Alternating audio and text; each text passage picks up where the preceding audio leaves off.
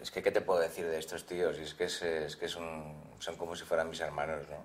Que les quiero y les conozco muy bien a cada uno y, y todos en el fondo tienen un, muy buen fondo, cada uno tiene sus cositas y sus rollos como todo, como yo, por supuesto, pero yo creo que los cuatro somos buenas personas y eso nos ayuda mucho a, a hacer las cosas bien, porque nos fiamos, confiamos total y plenamente unos en, uno en otros, ¿no? O sea, los cuatro confiamos en los cuatro. ¿no? venga vosotros. Dani, es una, no sé, también he jodido hablar de tus amigos, ¿eh? pero bueno, pues eso, lo primero es amigo, igual de la infancia, desde que teníamos lo mismo, cuatro o cinco años, nos conocemos, imagínate, no nos hemos separado nunca, hemos estado juntos también, ¿no? Y viéndonos toda la vida, ¿no? Pues aparte de ser uno de los guitarristas, es, eh, digamos, el que más se ocupa del tema eh, eh, extra musical también, ¿no? Es decir, reuniones, movidas, temas, negocios, financieros, o sea, yo tengo mucha confianza en él, en esas cosas. Me gusta, él ha trabajado muchos años en una compañía y en Warner y, conoce muy bien el mundo de, digamos, de, detrás, ¿no? De, del escenario, ¿no? La parte de la industria, ¿no?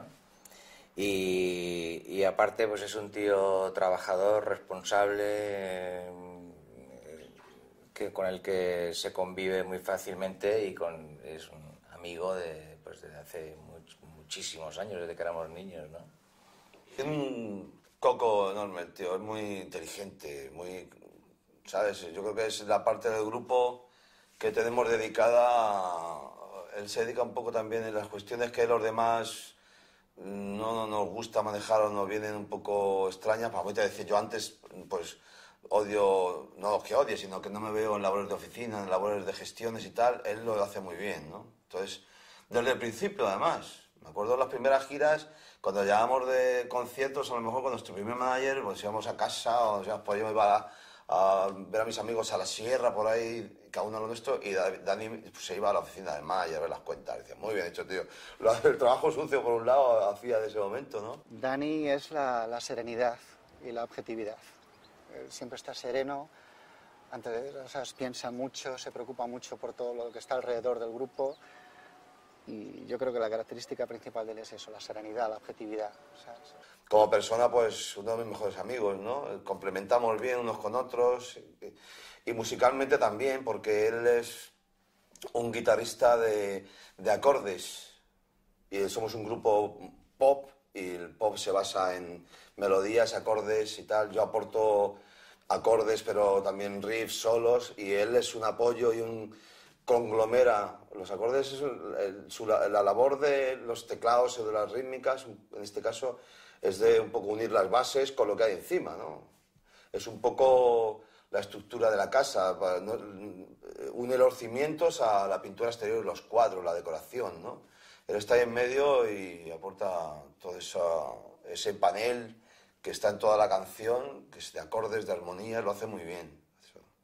Creo, desde fuera, que es un poco como la cabeza eh, constructora, por así decirlo, a lo manager, es un poco el, más cabal con las cuentas a lo mejor y, el más desconfiado y, tal. Y le tengo también un cariño muy especial. En, la gira también éramos como muy cómplices en el escenario y para mí es un gran músico. Eh, creo que toca muy bien la guitarra. Venga vosotros. Rafa es una, bellísima persona, un tipo sensacional, o sea, muy buena gente. Eh, es que no sé, no, sabría qué, decirte. O sea, es un, es un tipo tan fácil de tratar, tan tiene tan buen carácter, tan buen rollo, siempre está de acuerdo con todas las cosas, o sea, siempre está a favor, nunca pone pegas de nada, nunca se queja de nada, es un profesional como la copa de un pino, ¿sabes?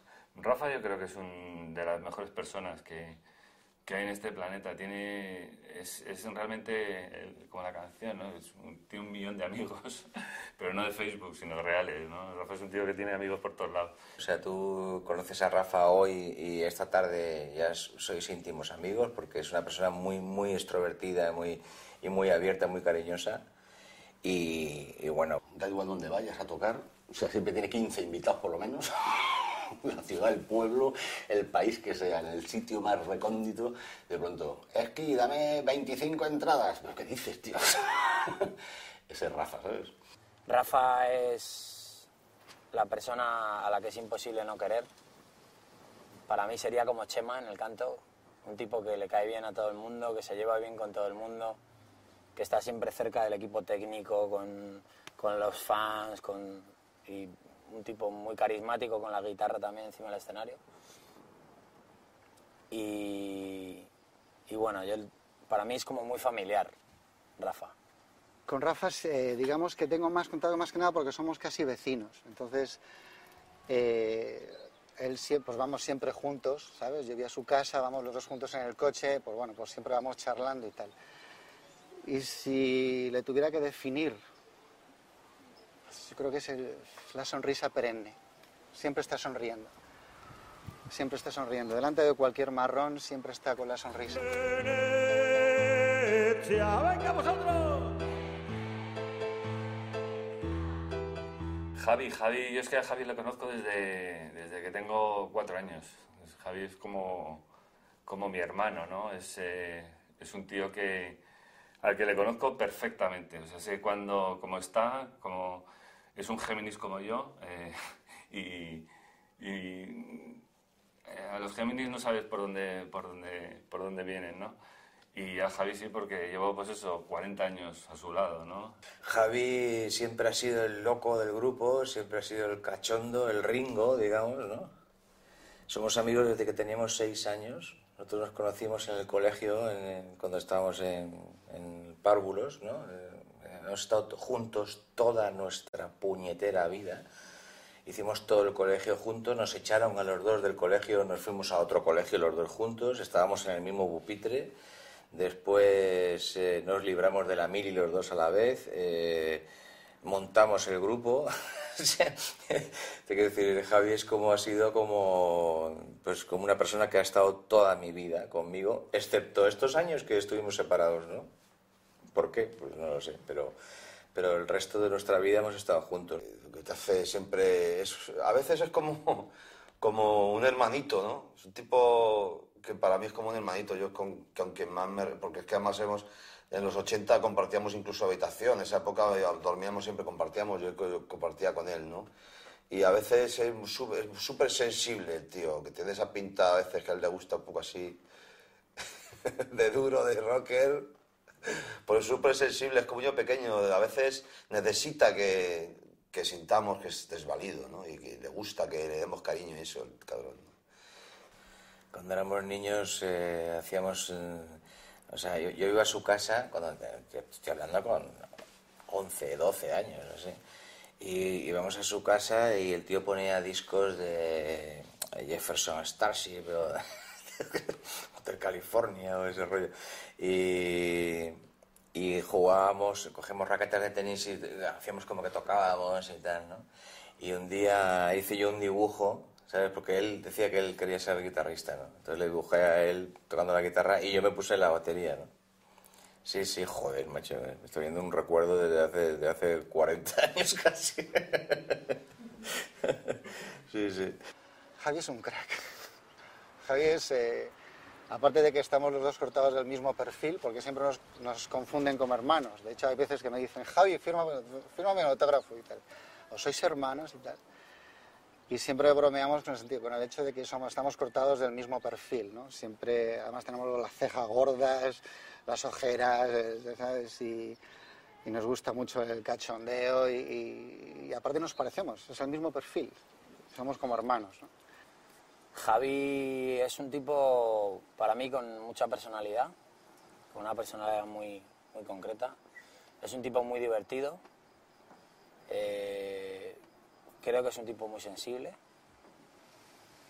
y bueno, la verdad que mi recuerdo con Javi en la gira juntos es una sonrisa todo el rato, porque estábamos haciendo el imbécil constantemente.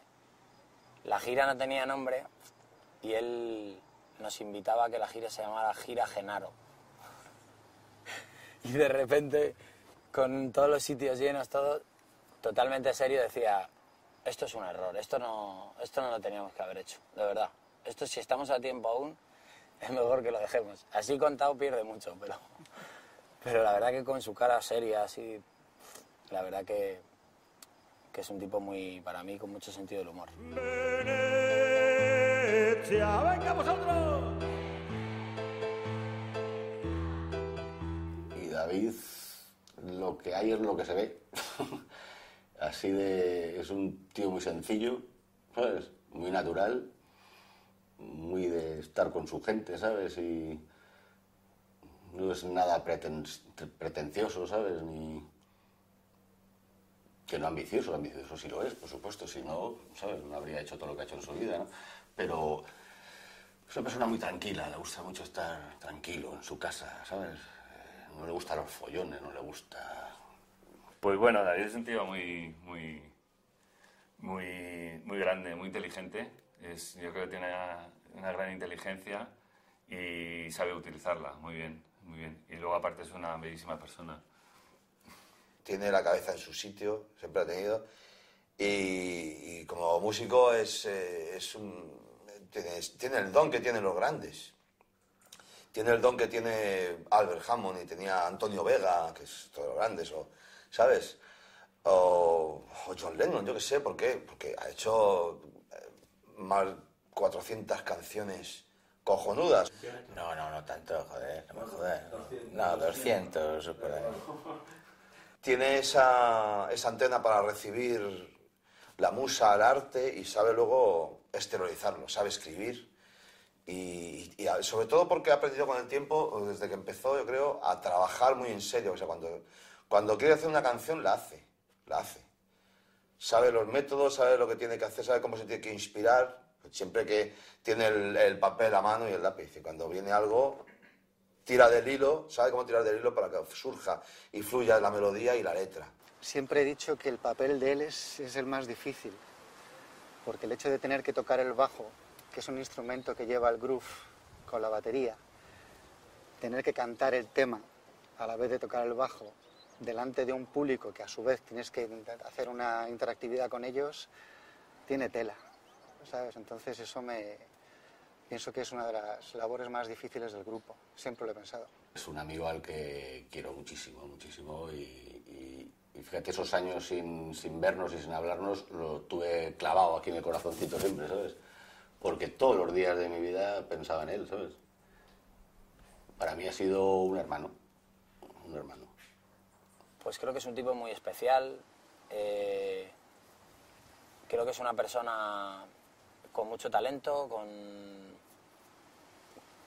también con como con, con la posibilidad de, llevar el carro y, y bueno, no sé, es un tipo al que le quiero mucho, le admiro mucho y, y es un tipo al que me gusta escuchar porque ha vivido y ha pasado por sitios que yo todavía no he pasado y me gusta estar cerca de él. Me parece un tipo tranquilo, un tipo que no se altera nunca, que, que disfruta, con una voz muy peculiar y también es un gran músico. Creo que toca muy bien el bajo, su instrumento.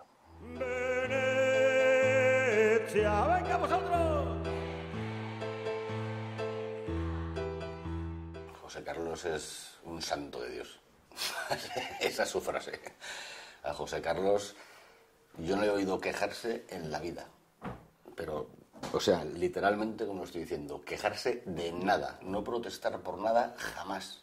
Pero ah, yo qué sé, o sea, por ninguna cosa, aunque le pise su pie, ¿sabes? O sea, cualquiera, "Ah, es que la habitación mía es una mierda, o es que hay que madrugar, o es que la furgoneta, tengo la espalda, o es que me duele. Jamás dice nada, o sea, él siempre está bien. Dice, ¿qué tal, José? Bien, bien, todo bien, todo bien. Todo perfecto, ¿sabes? José Carlos es un, es un pedazo de cielo, es un tío muy brillante como músico, pero que lo tiene muy claro. Él no quiere, él no quiere solamente que dedicarse a, a tocar con nosotros, hombres que Eso es algo que, que admiramos porque tiene un talento bestial y podría estar tocando con, con quien quisiera, ¿no? Él es feliz como es. Él le gusta ser que no se le vea,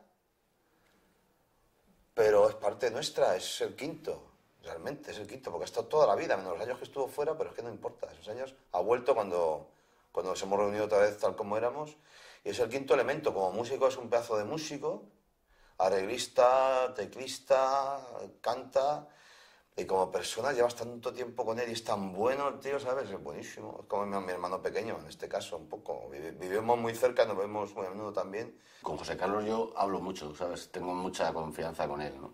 Me gusta desahogarme con él. Muchas veces le he contado problemas míos antes que a los demás, ¿sabes? Para ver su reacción, ¿no? Para ver, digo, su respuesta siempre va a ser positiva, ¿sabes? Luego ya me voy y le cuento el problema que tengo, a lo mejor algo íntimo, personal, pues a David, a Rafa o a Dani, ¿sabes? Pero con Jason siempre es como, joder, te aporta un remanso de paz el tío, ¿sabes? Y cuando decidimos volver, él estaba apartado de la música, estaba haciendo páginas web y estaba... Le dijimos, oye, José, que nos vamos a reunir otra vez y tal, que queremos que te vengas. ¿Te vienes? Y dice, por supuesto. y dejó todo lo que estaba haciendo y se vino con nosotros a tocar, ¿no?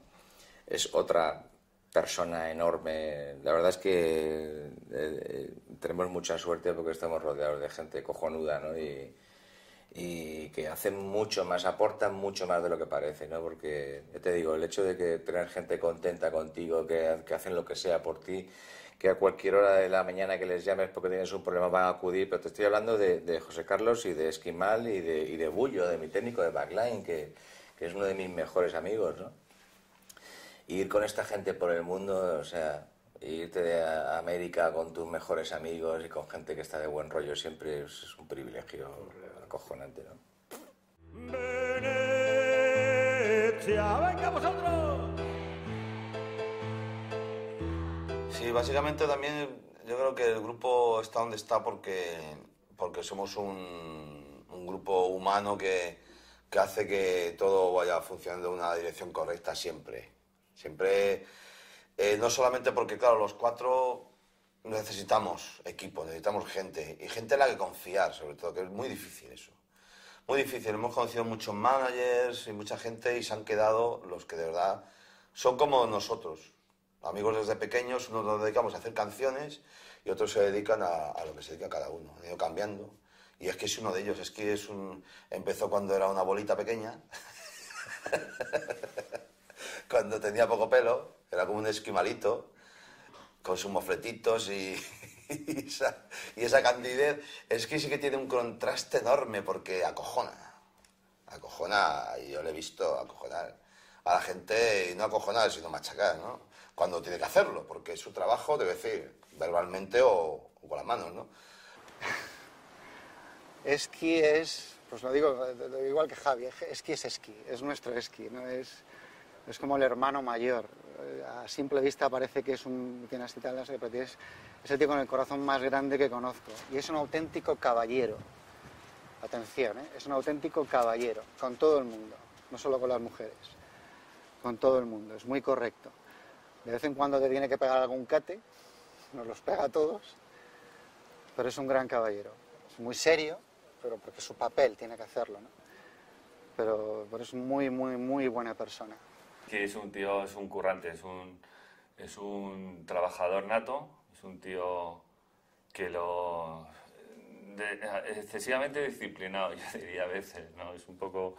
Le encantaría ser sargento, yo creo, de, o capitán de un pelotón, ¿no? A veces tiene esa función, pero es una brillante persona y, y como trabajador y como persona, ¿no? Es excelente. Es que nos acompañas eh, hacia esas labores de seguridad, de seguridad de los conciertos. Y luego, pues, eh, cuando acaba el concierto, pues es nuestro amigo y salíamos con él a cenar y a comer y a de copas porque somos la pandilla, ¿no? Ahora ya tiene su empresa y tiene una empresa cojonuda y, y ofrece todo tipo de, de soluciones para espectáculos de producción, de seguridad, de esto, de lo otro, de todo. Y entonces ya está mucho más, ya tiene una labor mucho más importante con nosotros. Tiene una labor mucho más importante. Nuestro mano de- es nuestro brazo derecho. Si llevas un brazo, un brazo grande, un brazo derecho grande. Se encarga de todo y, y también nos ayuda a desahogarnos muchas veces, nos aguanta muchísimo. Es que mi mujer dice que es como mi ángel de la guarda, que es cierto, porque cuando me voy de viaje me dice, es que te cuida, ¿no? Digo, no sabes cómo.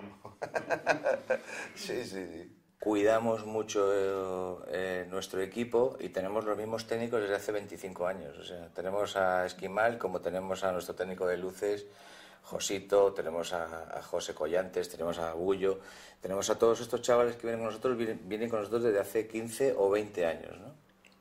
Esquimal es uno de ellos. Esquimal empezó a trabajar con nosotros en el año 86.